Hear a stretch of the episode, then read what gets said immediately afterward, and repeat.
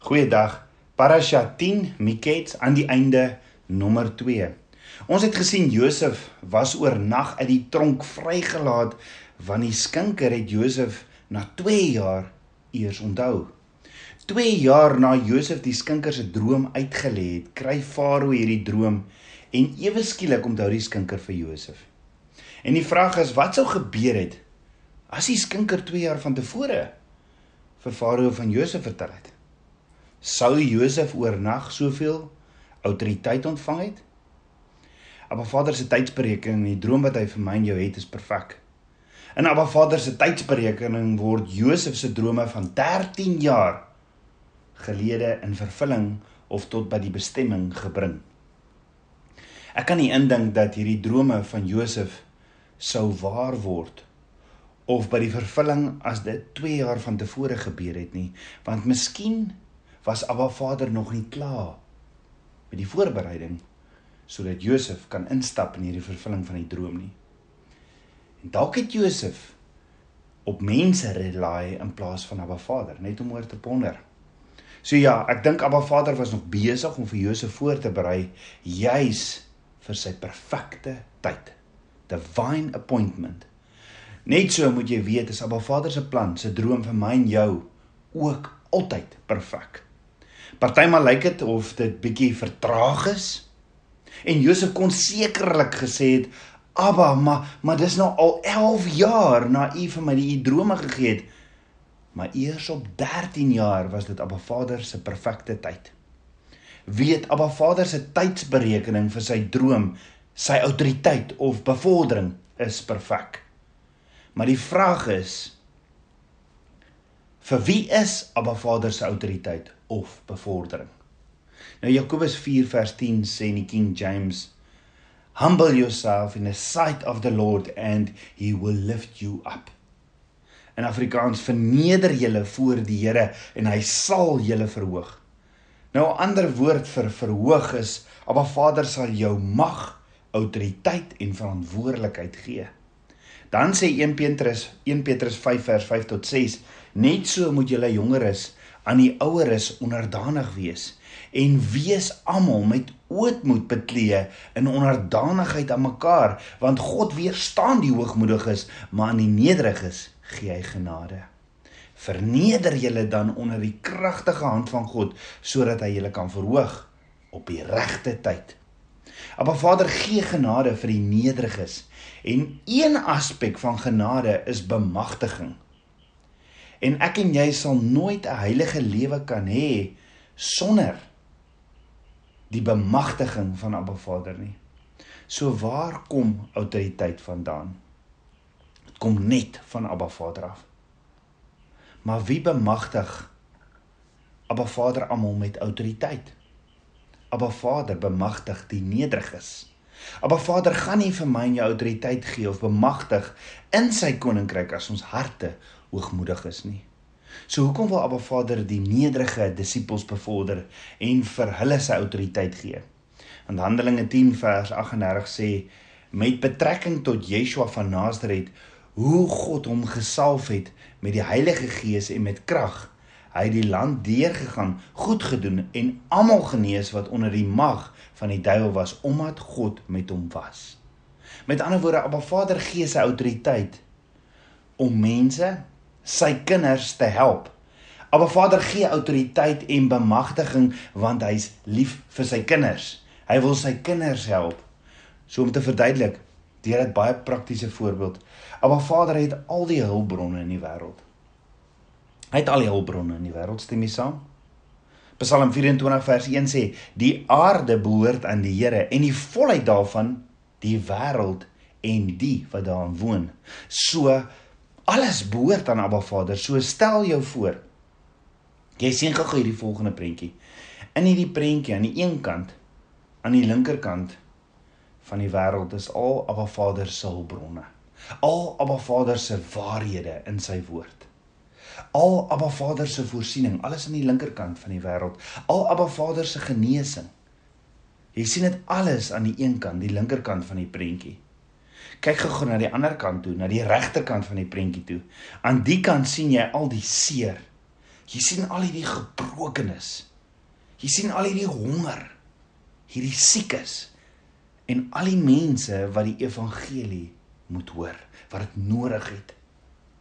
So aan die een kant sien jy al oh, Abba Vader se voorsiening en aan die ander kant sien jy al hierdie behoeftiges in hierdie prentjie, nê. Nee. In besigheidsterme klink dit soos vraag aan die een kant en aanbod aan die ander kant. So jy het hierdie honger, siek, gebroke en afgedwaaldes die wat weggeloop het van Abba Vader af van verbond af aan die een kant aan die regterkant en jy het aan die ander kant aan die linkerkant Abba Vader se vergifnis, vrede, liefde en beskerming. Maar kan ek jou gou-gou vra? Wat sien jy in die middel van die prentjie? Wat is in die middel? sien jy jouself? Ek en jy is in die middel. Ja, Abba Vader is op soek na nederige, gewillige diensknegte, rentmeesters, disippels vir wie Abba Vader sy hulpbronne, sy krag en autoriteit kan gee om hulle te kan gaan bedien. Want Yeshua sê die oes is groot, maar die arbeiders is min. Abba Vader wil graag al sy hulpbronne by sy kinders uitkry, maar Abba Vader werk deur die wat bereidwillig is, die nederige kinders van hom deur my en jou sy kanaalpype. Hy gebruik, hy gebruik die wat nederig is, die wat bereidwillig is as kanaalpype na die ander toe. So Abba Vader se autoriteit is om sy kinders van hom te help, die behoeftiges. Deuteronomium 8 vers 17 tot 18 sê: Jy moet nie in jou hart dink my krag en die sterkte van my hand het vir my hierdie rykdom vererwe nie, maar dink aan die Here jou God dat dit hy is wat jou krag gee om rykdom te vererwe, dat hy sy verbond kan bevestig wat hy aan jou vaders met 'n eed beloof het, soos dit vandag is. So kom gee Abba Vader se autoriteit aan die nederiges. Abba Vader gee sy autoriteit aan die nederiges om sy verbond te bevestig that that he may establish his covenant. Ja, sodat mense in verbond kan kom met Abba Vader. Abba Vader gee nie vir ons rykdom of autoriteit sodat ek net ryker moet word nie. Nee. Ek moet rentmeesterskap daaroor gee. Abba Vader gee dit sodat meer en meer kinders van Abba Vader saam met hom onder sy sambreel van beskerming en voorsiening in verbond kan stap of wandel. Dis om hand aan hand met Abba Vader te stap, te wandel daagliks onder sy beskerming en gehoorsaamheid. Ons het 'n opdrag. Ons het 'n opdrag van Yeshua wat sê in Matteus 28 vers 19: "Gaan dan heen. Maak disippels van al die nasies, doop hulle in die naam van die Vader en die Seun en die Heilige Gees en leer hulle om alles te onderhou wat ek julle beveel het." Met ander woorde ons Ons opdrag is om ander terug te wen in die koninkryk van Jahweh sodat ons ander kan leer en help en Abba Vader se verbond kan kan vestig. Soos Abba Vader jou voorsiening gegee het van geld, moet dit nie beskerm nie, dit behoort aan hom. Jy het actually 'n taak.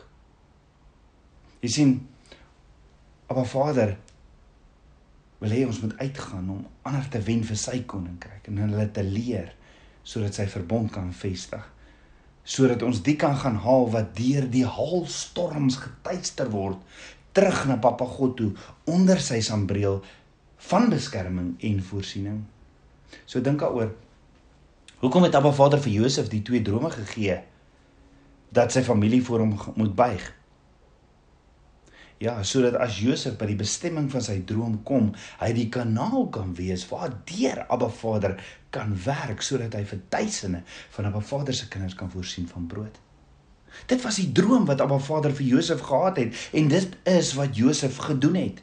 Die vraag is, sal ek en jy soos Josef die kanaal wees waardeur Abba Vader kan werk na sy kinders toe? Want Josef kon maklik uitgedraai het en gesê, "Joh, ek was in Potifar, ek was deur my broers verkoop, deur Potifar se vrou bedrieg. Ek is in die tronk gesit. Now to be out me and me myself and I." Maar dis nie wat hy gedoen het nie. Genesis 41 vers 14 tot 21 sê verder: "Toe laat Farao Josef roep en hulle het hom gou uit die gevangenis uitgehaal en hy het hom geskeer en ander klere aangetrek en hy het by Farao gekom.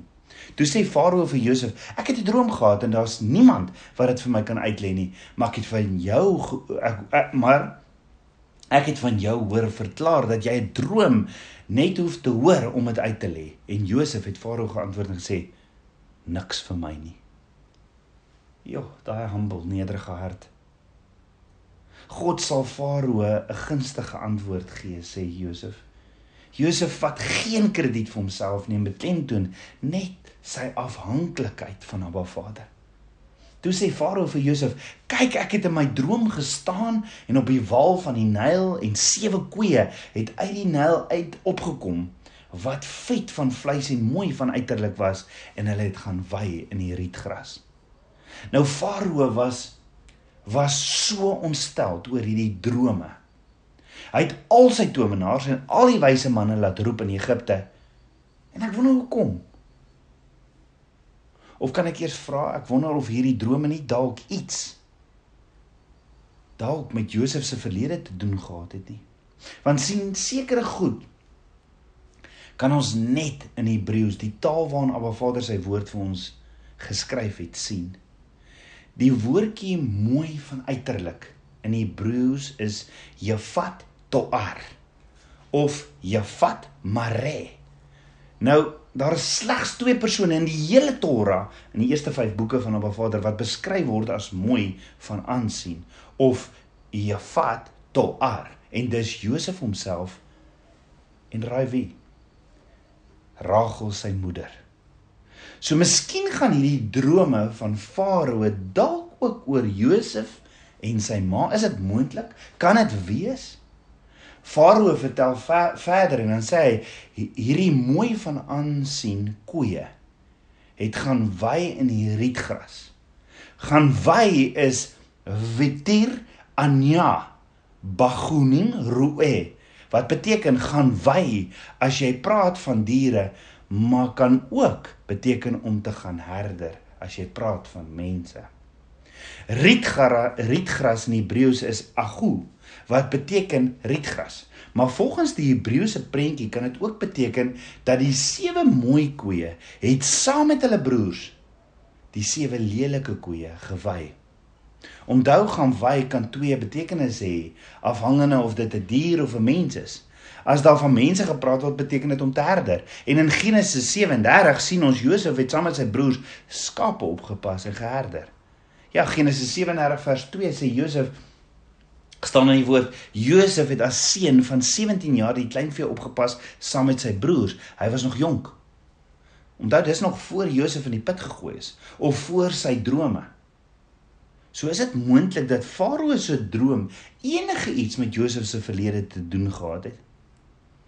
Wel dan gaan Farao se droom verder en sê in Genesis 41 vers 2 tot 3 en kyk na na hulle kom daar nog sewe koeie uit die Nyl uit wat lelik van aansien en maar van vleis was en hulle het by die ander koeie op die wal van die Nyl gaan staan.